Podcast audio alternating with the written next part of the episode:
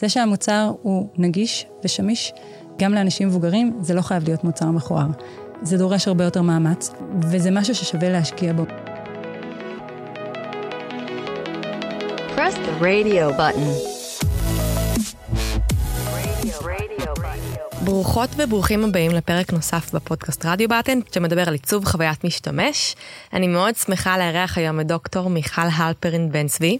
היי מיכל. אהלן, בוקר טוב. בוקר טוב. מיכל היא מומחית ביצירה של מוצרים דיגיטליים לבני 65 פלוס. היא מתעסקת בעולמות של מחקר חוויית משתמש, אסטרטגיית מוצר, תובנות התנהגותיות. מובילה את הנגשת השירותים הדיגיטליים בג'וינט בתחום הכללה דיגיטלית ויועצת על התחום לחברות פרטיות וציבוריות. אז את עושה המון דברים, ואם ככה זה לא היה מובן מהקדמה, אז אנחנו נדבר היום על עיצוב מוצרים לבני 65 פלוס, אוכלוסייה בוגרת יותר. וזה תחום כל כך חשוב בעיניי, ההתייחסות לאוכלוסייה ענקית, שהיא קצת דומה לנו, אבל יש לה צרכים קצת שונים, והם נורא חשוב להם להיות חלק מהעולם הדיגיטלי. אז ככה, להתחלה, מעניין אותי לשאול אותך, איך בכלל הגעת לתחום הזה של אה, אפיון ממשקים לאנשים בני 65 פלוס, וגם כזה, אם אפשר לשאול איך נכון לקרוא להם, מה הטרמינולוגיה שאנחנו נשתמש בה, שצריך להשתמש בה. אז, אה, אז נתחיל מאיך הגעתי לזה. אז הגעתי מעולמות של פסיכולוגיה חברתית, ואת הדוקטורט שלי עשיתי בפסיכולוגיה של הזקנה. ואחריו הצטרפתי למיזם שהיה משותף גם לישראל דיגיטלית וגם לג'וינט, שהמטרה שלו הייתה להביא אנשים מבוגרים לתוך סביבות דיגיטלית, ואני ספציפית הייתי אחראית על המחקר סביב איך הם בכלל לומדים ותופסים כלים דיגיטליים ואיך צריך ללמד אותם. ולאט לאט התפתחה הבנה שזה לא מספיק ללמד אותם, אם בסוף המוצרים שהם פוגשים יהיו כאלה שלא לגמרי מתאימים ליכולות שלהם. והתחלתי לעבוד עם כל מיני אנשי מוצר, אנשי product, micro-copy, design, כל מיני בכל מיני פונקציות, ובשלב מסוים, אחרי הרבה מחקר, לקחתי קבוצה של מומחים מעולים מהתעשייה, אנשים נהדרים שאני בטוחה שחלקם מקשיבים לפה. אה, וישבתי לכתוב את המדריך הלאומי שנעשה בתחום, שהמטרה שלו הייתה לתת פרקטיקות לאנשי עיצוב, איך באמת לעצב מוצרים כאלה. והיום מה שאני עושה, זה אני עוזרת לחברות להגדיל את ה engagement ספציפית של הסגמנט הזה, של 65 פלוס, אה, ואני עושה את זה על ידי גם כל הידע שצברתי וגם על ידי מחקר, והכל בשביל להפוך מוצרים לכאלה שיהיה יותר קל ונוח וטוב להשתמש בהם לכולם, וספציפית לאוכלוסייה הזאת. Mm-hmm. אז כשאנחנו אומרות אוכלוסייה, זו אוכלוסייה ענקית, זה, זה 30-40 שנה. אמ, אז כדי שרגע לא נכליל אותם, איך נכון לפרק את זה, או מה הם כוללים בתוכם, איך נכון לקרוא להם? אז בוא נדבר על הפיל הגדול שבחדר, איך קוראים להם, ונגיד את המילה האסורה, זקנה. אז באמת, מה זה זקנה? אז המחקר מגדיר זקנה כגיל 65 ומעלה. זאת הגדרה שנקבעה על ידי ביסמרק ב-1889. היום באמת אנשים בני 65 הם סופר, אני רואה את ההורים שלי סופר צעירים, עושים דברים, זה, אני לא יכולה להגיד עליהם בשום יודעת, את המילה זקנה יחד עם זה. אז בואו נדבר דקה, אז למה אנחנו לא יכולים להגיד את המילה זקנה וכולי? כי חלק מהשינויים שאנחנו נראה שמשפיעים על היכולת שלהם להשתמש במוצרים דיגיטליים, מתחילים עוד קודם וחלק בכלל אחרי, ויש שונות אדירה. אבל דקה לגבי המילה הזאת של זקנה.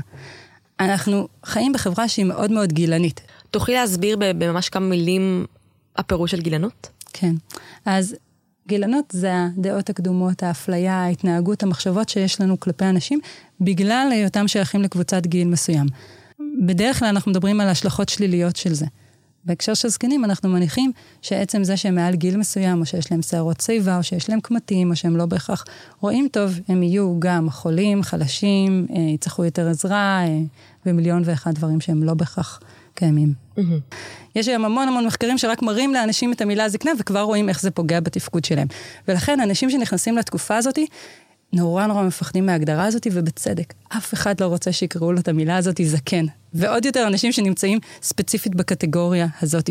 אבל הזקנה, כמו שאמרת, זו תקופה שמשתרעת על פני 40 שנה. חלק מהאנשים האלה יחיו גם מעל גיל 100, היום אנחנו יודעים. זו תקופה שיכולה להיות מדהימה, ומורכבת. אנשים יכולים להיות בה פעילים ועובדים ונמרצים עם המון מטרות והמון דברים מדהימים שקורים להם, ואנשים יכולים להיות אחת ויש שונות ומגוון אדיר.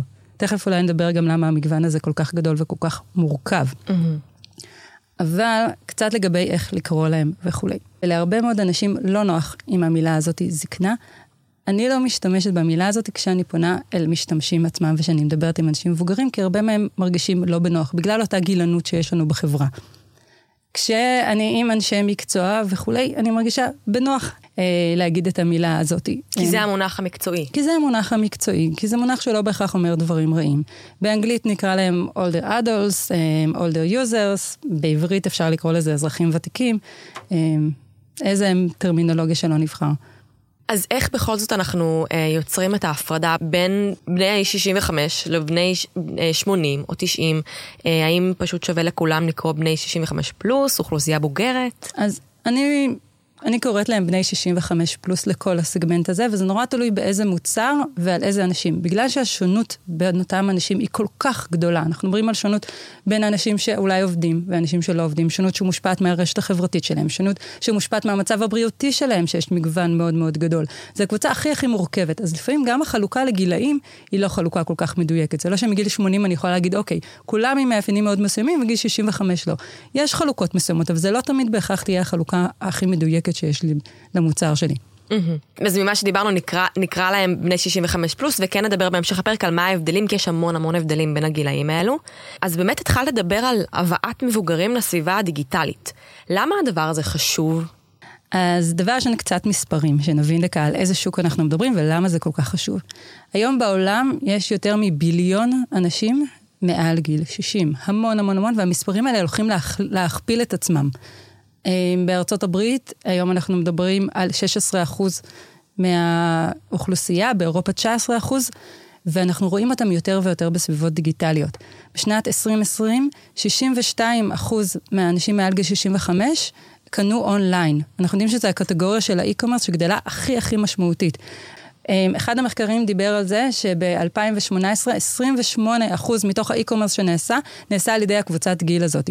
זאת הקטגוריה שגדלה הכי מהר, הכי משמעותית. אמ, השוק הזה מגלגל טריליוני דולרים כל שנה, והוא רק הולך וגדל מבחינת המוצרים שנעשים ספציפית עליהם.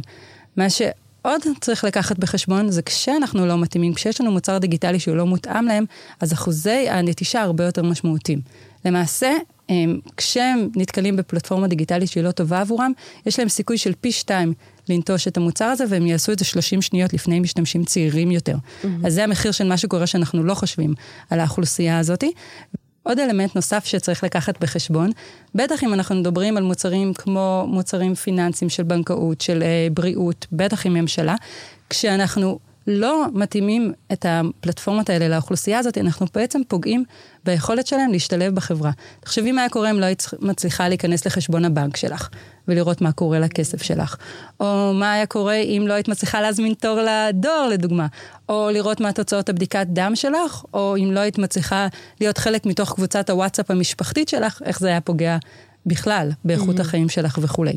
כל הסיבות האלה, ועוד אלמנט קטן נוסף, mm-hmm. זה שהרבה פעמים כשאנחנו חושבים על האוכלוסייה הזאת, כמו הרבה דברים שנוגעים לעיצוב מכליל, כשאנחנו מתאימים את המוצרים שלנו לאוכלוסיות שהן קצת יותר נמצאות בשוליים, אז הרבה פעמים זה גם יהיה טוב לרוב. לא תמיד, אבל mm. בהרבה מקרים, כמו הרבה דברים סביב העיצוב המכליל, פתרונות שנמצא שטובים עבורם יהיו טובים גם למשתמשים צעירים יותר. כן, אז באמת דיברת על כמה אספקטים, אחד היה האספקט הכלכלי, שרגע צריך לדבר עליו, זה אנשים שהם בוגרים, יש להם הרבה כסף, יש להם זמן להוציא את הכסף הזה, אז בקטע העסקי פשוט שווה להשקיע באוכלוסיות האלה.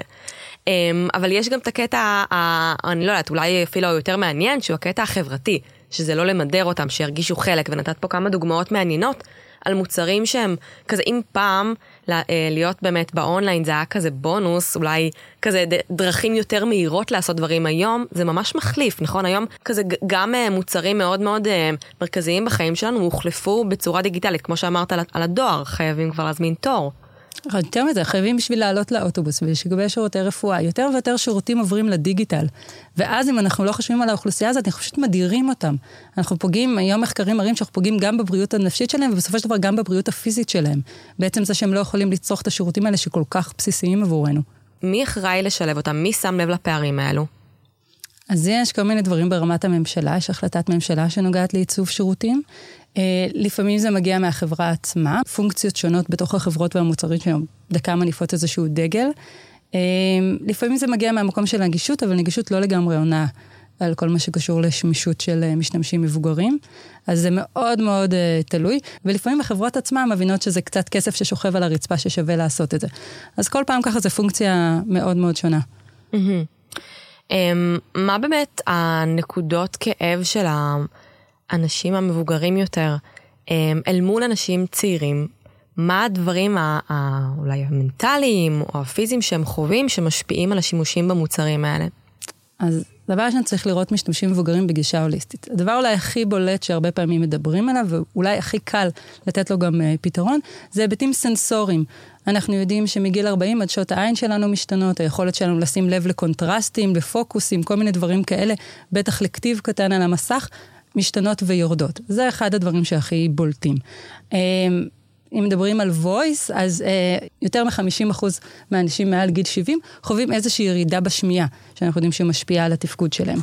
אבל יש עוד היבטים, יש היבטים קוגניטיביים, ופה לא משנה כמה אנחנו היום בדיגיטל, כולנו הולכים לחוות שינויים קוגניטיביים, וזה שינויים שמשפיעים על האופן שבו אנחנו מאבדים מידע, על המהירות שבה אנחנו מאבדים מידע, על איך אנחנו מתמודדים עם גירויים שונים על המסך. אה, אלה שינויים קוגניטיביים. חוץ מזה יש שינויים מוטוריים, אנחנו מכירים את היד הזאת שרועדת לפעמים על המסך. אה, יש לנו יותר קושי לווסת את התחושה בכפות הידיים שלנו, ויש עוד היבטים נוספים שקשורים להיבטים רגשיים. המוטיבציות וההתנהגויות שלנו משתנים, ואם הזכרנו גילנות בתחילת השיחה שלנו, אז אחד ההשלכות של גילנות זה מה שנקרא גילנות עצמית. זה כשאני נפגש במוצר שהוא דיגיטלי, ישר קופץ לי הסטריאוטיפ, אה, אני מבוגר, בטח אם המוצר הזה לא מוכר לי. אני עוד יותר מרגיש, שנייה, מה זה הדבר הזה? שינו את הממשק, ואז נשמע המון המון המון משתמשים מבוגרים אומרים, אה, זה כבר לא בשבילי. המון המון המון, ויותר מזה, הם גם אומרים את זה לא בשבילי, ואז, זה אגב עוד דבר מאוד מאוד מעניין, בכל מיני מחקרים ובכל מיני, שניסה, שנעשה usability test, או שנראיין משתמשים מבוגרים, נשמע אותם אומרים, אה, אבל תראו, זה בגלל שאני בגיל ככה וככה. נראה את סוגיית הגיל הולכת ועולה, בגלל שתחושת המסוגלות שלהם היא הרבה יותר נמוכה במרחב הדיגיטלי והרבה יותר קל לאיים עליה. בגלל זה אלמנטים מסוימים בעיצוב שלנו הולכים להשפיע עליהם הרבה יותר, ואם זה לא מספיק, אז צריך לקחת בחשבון שהיום בארץ ובעולם אפילו המספרים פחות או יותר אותו דבר, לפעמים אפילו יותר נמוכים, אה, כ-40 אחוז מהמשתמשים המבוגרים יש להם רמת אוריינות דיגיטלית נמוכה. זה אומר שהם לא בהכרח מכירים את האייקונים שאנחנו משתמשים בהם. יש להם מודלים מנטליים שונים לגבי איך דברים אמורים לעבוד, וכל זה הופך אותם למשתמשים שהם קצת שונים ממה שאנחנו רגילים לראות. וגם הרבה דברים שקשורים להרגלים, זאת אומרת, אנשים שהם הם, לא גדלו עם העולם הדיגיטלי, חלקם, אני חייבת להגיד, כאילו סתם, אני רואה את אבא שלי, הכי כזה לגמרי תפס את זה, יודע, כזה, יש אנשים שממש ממש אוהבים את זה, כאילו, אוהבים את הפייסבוק ואוהבים כזה, את יודעת, את כל העולם הזה וסופר מסתגלים, וממש את רואה אנשים אחרים שפחות מסתגלים. לא יודעת למה, אולי זה כי קשה לשנות הרגלים, אולי... ואין להם, אגב, בעיות אה, מסוגלות, או אין להם בעיות מוטוריות, אני לא מדבר, דווקא זה נורא מעניין לדבר על זה, אנשים שאין להם את הבעיות האלה, אבל הם צריך ללמד אותם לשנות הרגלים, וזה נורא מעניין לשמוע לפני רגע שניגע בדברים הטיפה יותר קשים, איך את זה, איך לזה ניגשים, איך את זה אפשר לשנות. אז אפשר לשנות את זה מכמה כיוונים. צריך להבין שלהשתמש במוצרים דיגיטליים, זה כולל הרבה דברים רחבים יותר של הטיות שקיימות אצל כולנו. אמ, קצת מעולמות הכלכלה ההתנהגותית, אמ, כל מיני שינויים של שינוי הסטטוס קוו, אם אני רגיל לצרוך שירותים מסוימים בצורה שהיא לא דיגיטלית, אם אני רגיל ללכת לפקידת הבנק שלי ופתאום מבקשים ממני לעשות את זה באפליקציה, מבקשים ממני לשנות הרגל שאני מכיר ומרגיש בטוח בו. אז דבר אחד, זה קשור באופן כללי לשינויי הרגלים, שהמרחב הדיגיטלי מצריך אותנו. עכשיו, יותר מזה, קחו בחשבון שבניגוד לדברים אחרים, המרחב הדיגיטלי כל הזמן משתנה. אז אני יכולה להיות רגילה כבר לפלטפורמה מסוימת, אני יודעת כבר איך האימייל שלי אמור לעבוד, ופתאום משנים לי את הממשק לצורך העניין. פתאום יש אפליקציה חדשה שאני חייבת להשתמש בה בשביל לנסוע בתחבורה ציבורית. אז זה מרחב שהוא כל הזמן משתנה והוא כל הזמן דינמי והוא כל הזמן דורש ממני להתאים את עצמי לשינויים. ויכולת ההסתגלות הזאת לשינויים היא אחד הדברים שלפעמים נפגעים בזקנה, כי הוא דורש ממני למידה מתוך דברים קיימים, זה יכולת, אה, יכולת מורכבת שלפעמים משתנה. עכשיו, כמו שאמרת, יש שונות ענקית בין משתמשים. יש הבדל אם אני רגילה לאתגרים דיגיטליים, אני עבדתי בסביבה דיגיטלית, ואז אני ממשיכה בעצם להתחדש ולהתעדכן וכולי, ולעומת זאת, אם במקום העבודה שלי לא הייתי בסביבה דיגיטלית, יהיה לי הרבה יותר קשה. עוד דבר נוסף שקורה זה שברגע שאני יוצאת מתוך שוק העבודה, כבר יש לי פחות הזדמנויות ללמוד ולהתעדכן ולראות מה קורה, כאילו להתעדכן בשנים, יש פחות מסגרת שמחייבת אותי, אז זה כבר דבר שאנחנו רואים שקורה. בנוסף, הרבה פעמים, מה שעומד לנו כאנשים בתעשייה, נגד עינינו, זה לאו דווקא, לאו דווקא האנשים המשתמשים המבוגרים. ואז כל תהליך ה onboarding, שאיך אנחנו מביאים אותם בכלל להשתמש במוצר, אמ, איך אנחנו מכירים להם אותו, לא בהכרח נעשה בצורה כזאת שעונה באמת על הכאבים ועל המוטיבציות של משתמשים מבוגרים.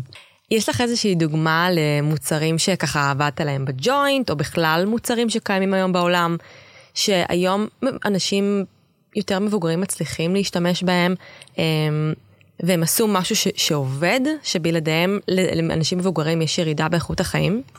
אז אני אגיד שבג'וינט אנחנו מתמקדים באמת באזורים שיש להם אימפקט מאוד משמעותי על מה שנקרא זקנה מיטבית, שאנחנו חושבים שאם נצליח להעביר אותם לסביבות דיגיטליות, והסביבות הדיגיטליות יהיו באמת יותר טובות, זה גם ישפיע על איכות החיים שלהם.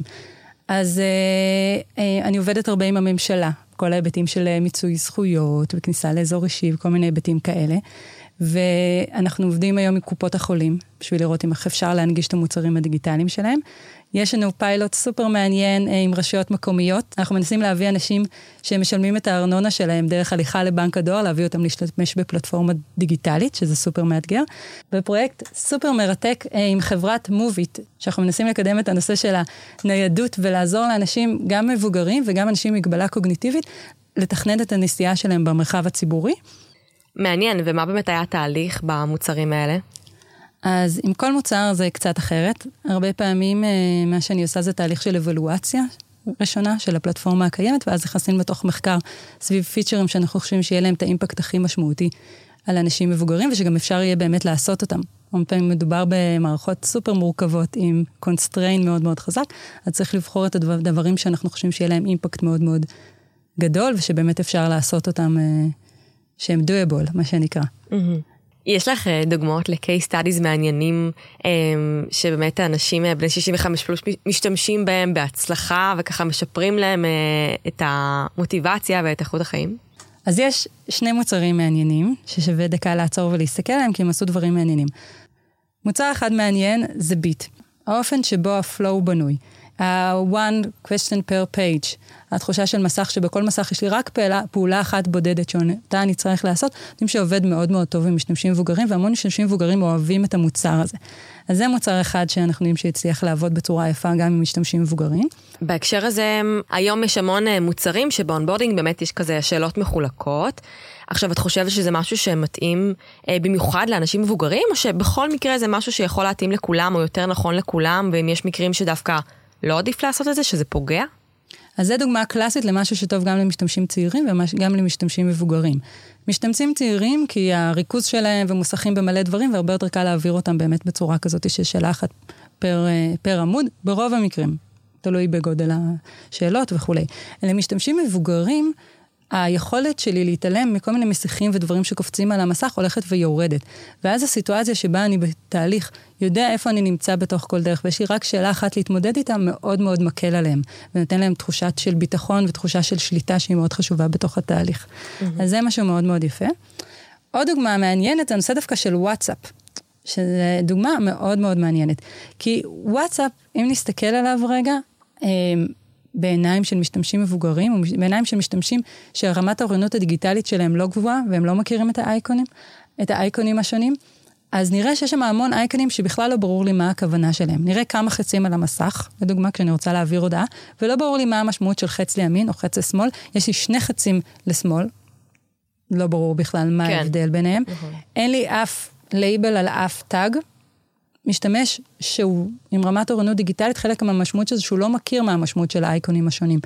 אז זו פלטפורמה שהיא לא מותאמת כל כך לאנשים מבוגרים, בטח לא מההיבט הזה, אבל פה קרה משהו נורא נורא מעניין, שיכול להסביר למה כל כך הרבה משתמשים מבוגרים משתמשים בוואטסאפ היום. גם המשתמשים שרמת האוריינות הדיגיטלית שלהם יותר נמוכה, הם עדיין השתמשו בוואטסאפ, כי ברגע שהתא המשפחתי עבר להשתמש בוואטסאפ, והמוטיבציה החברתית להיות חלק מתוך השיח של המשפחה הייתה כל כך גדולה, הם הצליחו להתגבר על כל הקשיים שהפלטפורמה מערימה עליהם. וזה גם נקודה ששווה לשים לב אליה. כל הנושא של המוטיבציות, של מה חשוב לי כשאני נכנס לתוך המוצר הדיגיטלי, כמה המוצר הדיגיטלי מצליח לדבר באותה שפה של המוטיבציות שמעניינות אותי, של החששות שלי, של הפחדים שלי. ופה בהיבט הזה וואטסאפ הוא דוגמה בעיניי סופר מעניינת. שאת אומרת שאם המוטיבציה מספיק חזקה, אז, אז הם הצליחו להתגבר על הקשיים ש, שיש לפניהם? כן, יש גרף כזה מאוד מאוד מעניין שמדבר על כמות ה friction שנדרש ממני וכמה חשוב. באופן כללי, מוטיבציה היא נגזרת של עד כמה הפעולה הזאת היא חשובה ועד כמה אני מעריך את תחושת המסוגלות שלי להשתמש, במקרה שלנו, בפלטפורמה הזאת. ופה היה משהו מעניין, כי המוטיבציה הייתה מאוד מאוד גדולה, שהיא צריכה להתגבר הרבה פעמים על תחושת מסוגלות יותר נמוכה. כן. סתם דוגמה, באמת, אני חושבת על כזה אמ, אנשים שאני מכירה, וכזה הולכים עכשיו אמ, לברר משהו בבנק. את מכירה את זה? לברר משהו עכשיו כזה. למה לא להתקשר? למה לא לעשות בבות? אולי כי מבחינת המוטיבציה, אין, אין, הם לא רואים למה זה לא טוב. והדוגמה שנתת על וואטסאפ, אין, להם, אין לזה תחליף. אז אולי כשיש להם אה, מוצרים עם תחליף, אז הם פחות כזה, יש להם מוטיבציה לעשות, ואז אולי התפקיד שלנו בתור, אה, לא יודעת, designers או marketers, זה לנסות להסביר למה זה כן יכול להועיל להם, למה זה כן חשוב כזה ויכול להקל עליהם את החיים. אז לגמרי, לדבר בשפה של המוטיבציות היא תמיד חשובה, ובגלל זה חשוב גם להכיר את המשתמשים האלה קצת יותר לעומק ולהבין באמת מה מניע אותם. מה המקום שלהם של חשש, ושל um, חשש מאובדן הפרטיות וחשש מפרטים, וכל הנושא של אמון, ומוטיבציות שקשורות בכלל לעולם החברתי, ומוטיבציות של עצמאות, שמשחקת תפקיד מאוד מאוד משמעותי. וספציפית, סביב נושא שהזכרת כמו הבנק, יש לנו כל מיני היבטים התנהגותיים, קצת מונחים מהכלכלה ההתנהגותית, ה-sunk cost effect, האפקט העלות השקועה. אם אני כבר כיתתתי את רגליי, החלפתי שלושה אוטובוסים בשביל להגיע לבנק ולברר משהו, היכולת שלי והפניות שלי עכשיו להבין שיש אלטרנטיבה שהיא הרבה יותר פשוטה וקלה בפלאפון שלי הולכת ויורדת ככל שהשקעתי יותר מאמץ. אצל המשתמשים הקיצוניים השקעתי חיים שלמים בלהכיר את פקידת הבנק ולהכיר את סניף הבנק שלי ולהבין איך זה עובד ואני מרגיש ביטחון בזה, פתאום את מציעה לי אופציה אחרת, יהיה לי הרבה יותר קשה לעשות את זה. Mm-hmm. אז באמת הייתי רוצה שקצת ניכנס טיפה טיפה לעומק של אה, באמת האתגרים שיש לנו כמעצבים ביום יום, של מחקר ושל עיצוב. אה, את כתבת מדריך אה, מאוד מוצלח שאגדת המון מידע על איך בעצם להנגיש מוצרים לאנשים בני 65 פלוס ויש שם הרבה עצות פרקטיות, יש המון case studies מעניינים על חוויות של אנשים מבוגרים ומוצרים אמיתיים שלי באופן אישי נורא עזר להתחבר כזה ל mindset שהם, שהם נמצאים בו. אז כזה נורא מעניין אותי לשמוע קצת על המדריך, ואולי אה, החלק שהכי מעניין אותי לדבר עליו זה מבחני שמישות. אה, איך אנחנו בודקים את המוצרים שאנחנו מעצבים, אז הסתכלנו על הספרים ועשינו את כל ה-best practices, איך עכשיו אנחנו בודקים את המוצרים, אם זה באמת עובד. אוקיי, okay, אז כמה מילים. המדריך נקרא לוג אין, המדריך להגברת השימושיות של בני 65 פלוס במוצרים דיגיטליים. נשמח שכמה שיותר אנשים ייהנו וישתמשו בו. כמה מילים לגבי uh, מבחני uh, שמישות. אז דבר ראשון, הזכרנו בהתחלה שמדובר בקבוצה עם שונות ענקית. כי מה שקורה בה זה לא רק שונות של גיל, השונות וההבדלים בין המשתמשים באותו קבוצת גיל הם הכי גדולים שיהיו אי פעם.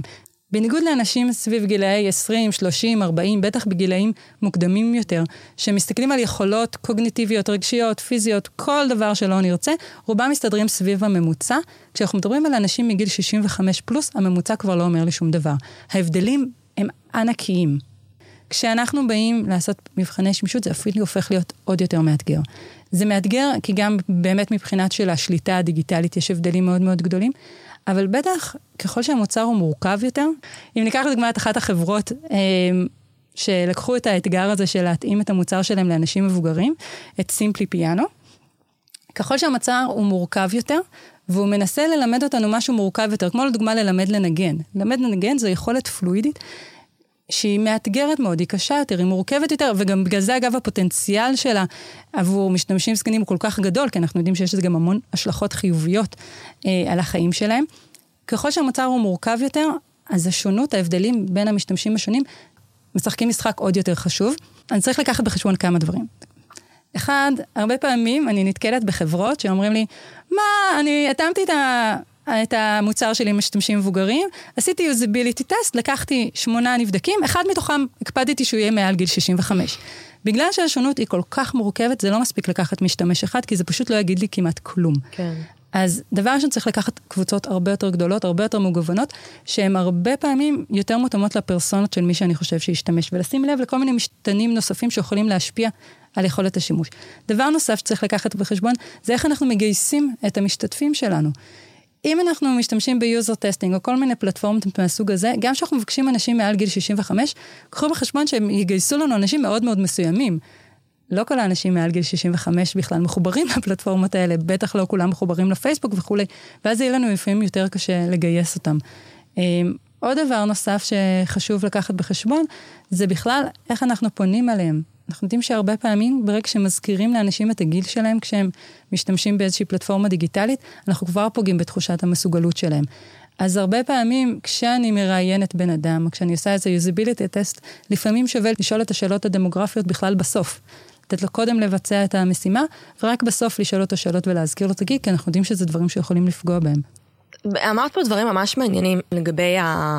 ככה, המבחני שמישות ואיך צריך להתייחס לזה, אז רגע, גילוי נאות קטן, אני גם עובדת בסימפלי, אז באמת אני מכירה את המוצרים האלה מקרוב, ובאמת אני יכולה להגיד ש, שאצלנו ממש ממש חשוב ככה להנגיש את המוצרים שלנו לאנשים שהם מכל מיני אוכלוסיות, גם ילדים, גם גלגלי ה-20, 30, 40, וגם אנשים שהם יותר מבוגרים. ולכל אחד באמת, אני רואה ש, שצריכה להיות התייחסות ממש אחרת. אגב, כמו לילדים, גם לילדים צריכה להיות התייחסות, התייחסות אחרת, וזה ממש לא משהו שלילי, זה משהו חיובי. זה דווקא ככה למקסם את, ה, את ההבנה שלהם במוצר ואת השימוש שלהם במוצר. אז באמת כאילו, אני, אני קצת רוצה לצלול למה שאמרת, על זה שככה נתת דוגמאות על שיכול להיות שיש חברות שלוקחות אה, בן אדם אחד מעל גיל 65 וכזה מסמנות וי. אז בואו נדבר על ההבדל הזה בין לסמן וי לבין באמת משהו שהוא יעשה איזשהו שינוי. זה מאוד מאוד תלוי בחברה ובבשלות שלה ועד כמה היא מבינה את הערך של האוכלוסייה הזאת. אז יש חברות מדהימות כמו סימפלי שהבינו שמדובר פה בקהל עם המון המון פוטנציאל, שהמוצר הזה יכול להביא לו ערך משמעותי ביותר. ועושות באמת את המאמצים האלה. אה, אני יכולה לדבר על מדיסייף, שעושים עבודה מדהימה, אה, גם כן סביב הנושא של איך אפשר לשפר את השירות הזה גם לאנשים מבוגרים, כל הנושא של תזכורות לתרופות. ויש חברות ש, אה, שפחות, בין אם הן פחות בשלות, בין אם זה פחות בסקופ שלהן, פחות מבינות את הפוטנציאל, אז יש ככה שוני מאוד מאוד גדול. ויש גם הבדל, צריך לקחת גם עוד, עוד משהו בחשבון. יש הבדל בין חברות שפונות לקהל הרחב והבינו את הערך הזה, הרבה פעמים אני עובדת עם חברות מתחום הפארמה ותחום ההלף והפינטק, שפונים ספציפית לקהל הזה, mm-hmm. ואז זה כבר עולם אחר לגמרי. כן, ואז באמת, אני מניחה שיש הבדלים בין חברות פארמה שמה-day one פונות לאנשים בני 65 פלוס וכל ההתייחסות שלהם היא כזאת, לבין מוצרים שהתחילו מאיזשהו MVP מצומצם, ואז אחרי כמה שנים החליטו להתרחב, והחליט, והבינו את החשיבות של להתרחב לעוד, לעוד כל מיני אה, אוכלוסיות אחרות. את רואה הבדלים במוצרים? זה, זה משהו שאני מניחה שהוא הרבה יותר קשה לשנות מוצר מאשר מההתחלה להתייחס למוצר כמשהו שהוא אה, מוצר מכליל. זה סופר קשה, ה constraint הוא הרבה יותר מורכב. אמ, המון פעמים, לפעמים יש דברים שהם מתנגשים, צריך גם את זה לשים על השולחן. הרבה פעמים דברים שיהיו טובים למשתמשים מבוגרים יותר, הם לא בהכרח יהיו טובים למשתמשים צעירים יותר. למשל? אז אם ניקח לדוגמה אתרי e-commerce, האופן שבו אני מקבלת נוטיפיקציה ואיזושהי הודעה שהמוצר שרציתי לרכוש נוסף לעגלה. אז משתמשים צעירים רגילים לראות משהו שקופץ בשולי המסך, והם יכולים להרגיש רגועים יותר, כי הם יודעים שכשהם יגיעו לעגלת הקניות, הם יראו מה שהם הזמינו ומקסימום הם הולכים להוריד. משתמשים מבוגרים צריכים חיווי הרבה יותר משמעותי. הם צריכים שהחיווי הזה יהיה במרכז המסך, הם צריכים שהוא יישאר הרבה יותר זמן. הם צריכים, ברגע שהם הוסיפו פריט לעגלה, הם צריכים לראות את זה, זה צריך להיות במרכז המסך, זה צריך להופיע לאורך זמן רב יותר, הם צריכים להרגיש הרבה יותר שליטה. אז זה מקום קלאסי שאנחנו רואים שהצרכים משתנים אחד מהשני.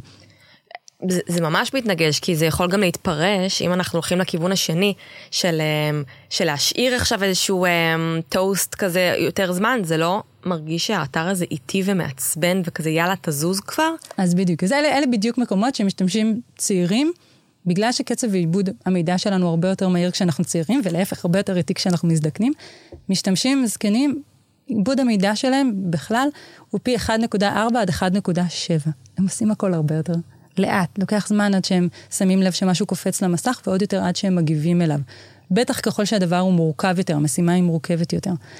אבל הרבה מאוד מהדברים לא יהיו ככה. הרבה מאוד מהפתרונות, אולי ניתן uh, קצת דוגמה, uh, נגיד הדוגמה של מיקרוקופי, של להוסיף לייבל לאייקונים. זו דוגמה קלאסית, שאנחנו יודעים שהיא טובה גם למשתמשים צעירים וגם למשתמשים מבוגרים, שזה מחקר מאוד יפה של נילסון ונורמן גרופ, שהראה שגם משתמשים צעירים יותר יודעים לצפות הרבה יותר בביטחון ולדעת מה הולך לקרות כשהם לוחצים על איזשהו אייקון, כשכתוב להם מה הפירוש של אותו אייקון. אז זו דוגמה קלאסית של משהו שיכול לשרת את שני הצדדים. אז מתי אנחנו צריכים לעשות איזשהו ממוצע, למרות שנשמע לי שממוצע לא מספיק טוב, כן? לבין החלטה יותר קיצונית של ממש להפריד את המוצר, או לייצר איזשהו flow אחר לכמה אוכלוסיות שונות. מתי בוחרים לעשות את זה ומתי את זה? Mm, זה מאוד מאוד תלוי במוצר ועד כמה, מור... כמה הוא מורכב ואיפה אני יכולה לייצר פרסונליזציה באמת ואיפה לא. Um, באופן כללי, משתמשים מבוגרים לא רוצים ללכת לתוך uh, מועדון שהם לרג, הנה המוצר הזה לזקנים. הם לא רוצים והם גם לא מבינים, בטח אם זה תלוי בהם. גם כי צריך לקחת בחשבון שכל היכולות שהזכרנו שהן משתנות עם הגיל, הן יכולות שלא קורות בבת אחת. זה לא שאני הופך להיות בגיל 65 ואני פתאום מבין שהיכולות הקוגניטיביות שלי משתנות וגם הראייה שלי ועוד מיליון ואחד דברים. ואז אם אני רגיל ללכת לפלטפורמה מסוימת, זה לא שאני אבין, אה, אוקיי, זה מוצר יהודי, עכשיו הגיע הזמן שאני אשתמש בו. אז לבנות מוצר שלם נפרד לאוכלוסייה מבוגרת, זה לא משהו שאני ממליצה לעשות. אה, מתי כן, אה, זה מאוד מאוד תלוי במוצר ובמורכבות שלו.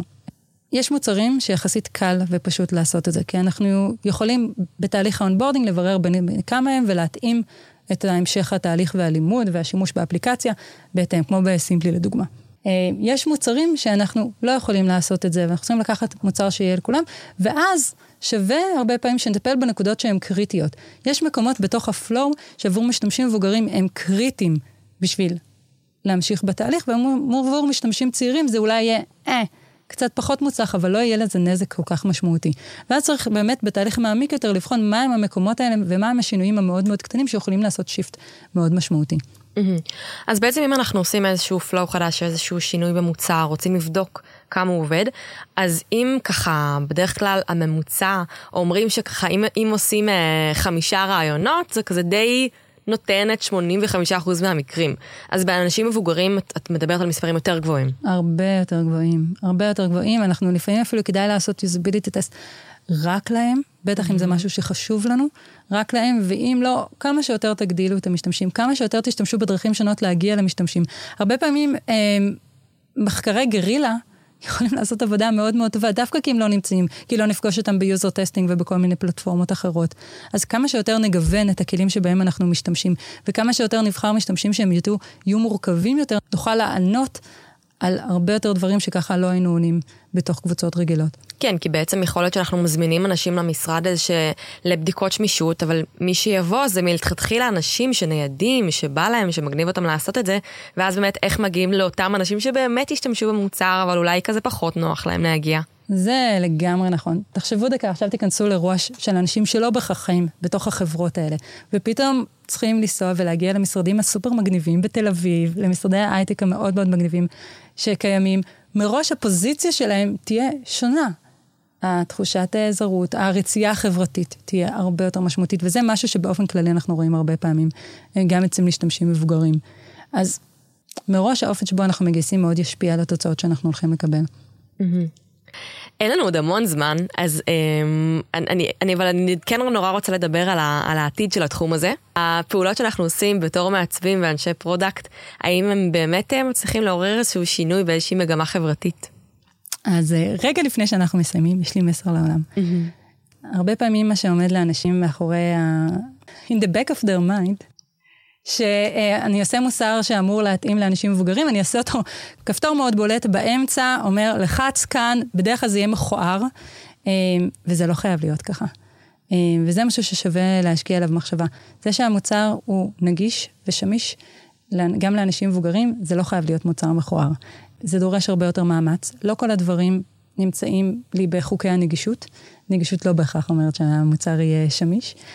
וזה משהו ששווה להשקיע בו מאמץ. אמ, אז זה, זה משהו שממש ממש חשוב לי, חשוב לי להגיד. גם אחרי כל מה שדיברנו עכשיו, והבנו את כל ההבדלים שיש, מרגיש לי יודעת, פלאגין של נגישות, ואגב, בישראל זה, זה חוק, אתרים ישראלים חייבים לעבוד עם, עם, ממש עם, אה, לפי חוקי הנגישות. מרגיש לי כל כך פלט, uh, את יודעת, כל כך uh, לא מספיק. Um, בדרך כלל הנגישות היא מדברת נורא על UI. על גודל כפתור ועל, ועל קונטרסט ועל דברים כאלו, אבל דיברנו על דברים הרבה יותר עמוקים, על כל החוויה, על כל ה... אה, משהו שהוא, שהוא הפלאגינים של נגישות, הם, הם פשוט לא מספיקים, זה פשוט לא, לא הדבר. לגמרי, זה ממש לא זה. זה עוזר. אנחנו צריכים, הנגישות זה מעין סוג של מינימום שאנחנו צריכים לעמוד בו, אבל זה בהחלט לא, לא כל הסיפור. ובנוסף צריך לקחת בחשבון שהמון משתמשים מבוגרים לא יקומו יום אחד וילחצו על כפתור הנגישות. בגלל כל השינויים ההדרגתיים mm. וכולי. מה שכן אני אגיד בהקשר הזה, שיקחו בחשבון שהרבה מהמשתמשים המבוגרים שלכם משתנים, משנים את הגדרות הפלאפון שלהם, ועוברים לכתיב גדול יותר, לפונט גדול יותר. אנחנו לא חושבים על זה, אבל טיפ של מיליון דולר יקיריי, אמ, כשאתם רוצים לבדוק אם המוצר שלכם מתאים או לא למשתמשים מבוגרים, לפני שאתם מזמינים אותם, הכי פשוט, תשנו את הגדרות הטלפון שלכם ותראו איך המוצר מתנהג. לא יאמן כמות המוצרים והחברות שעבדתי איתם, שנופלים רק בהיבט הזה.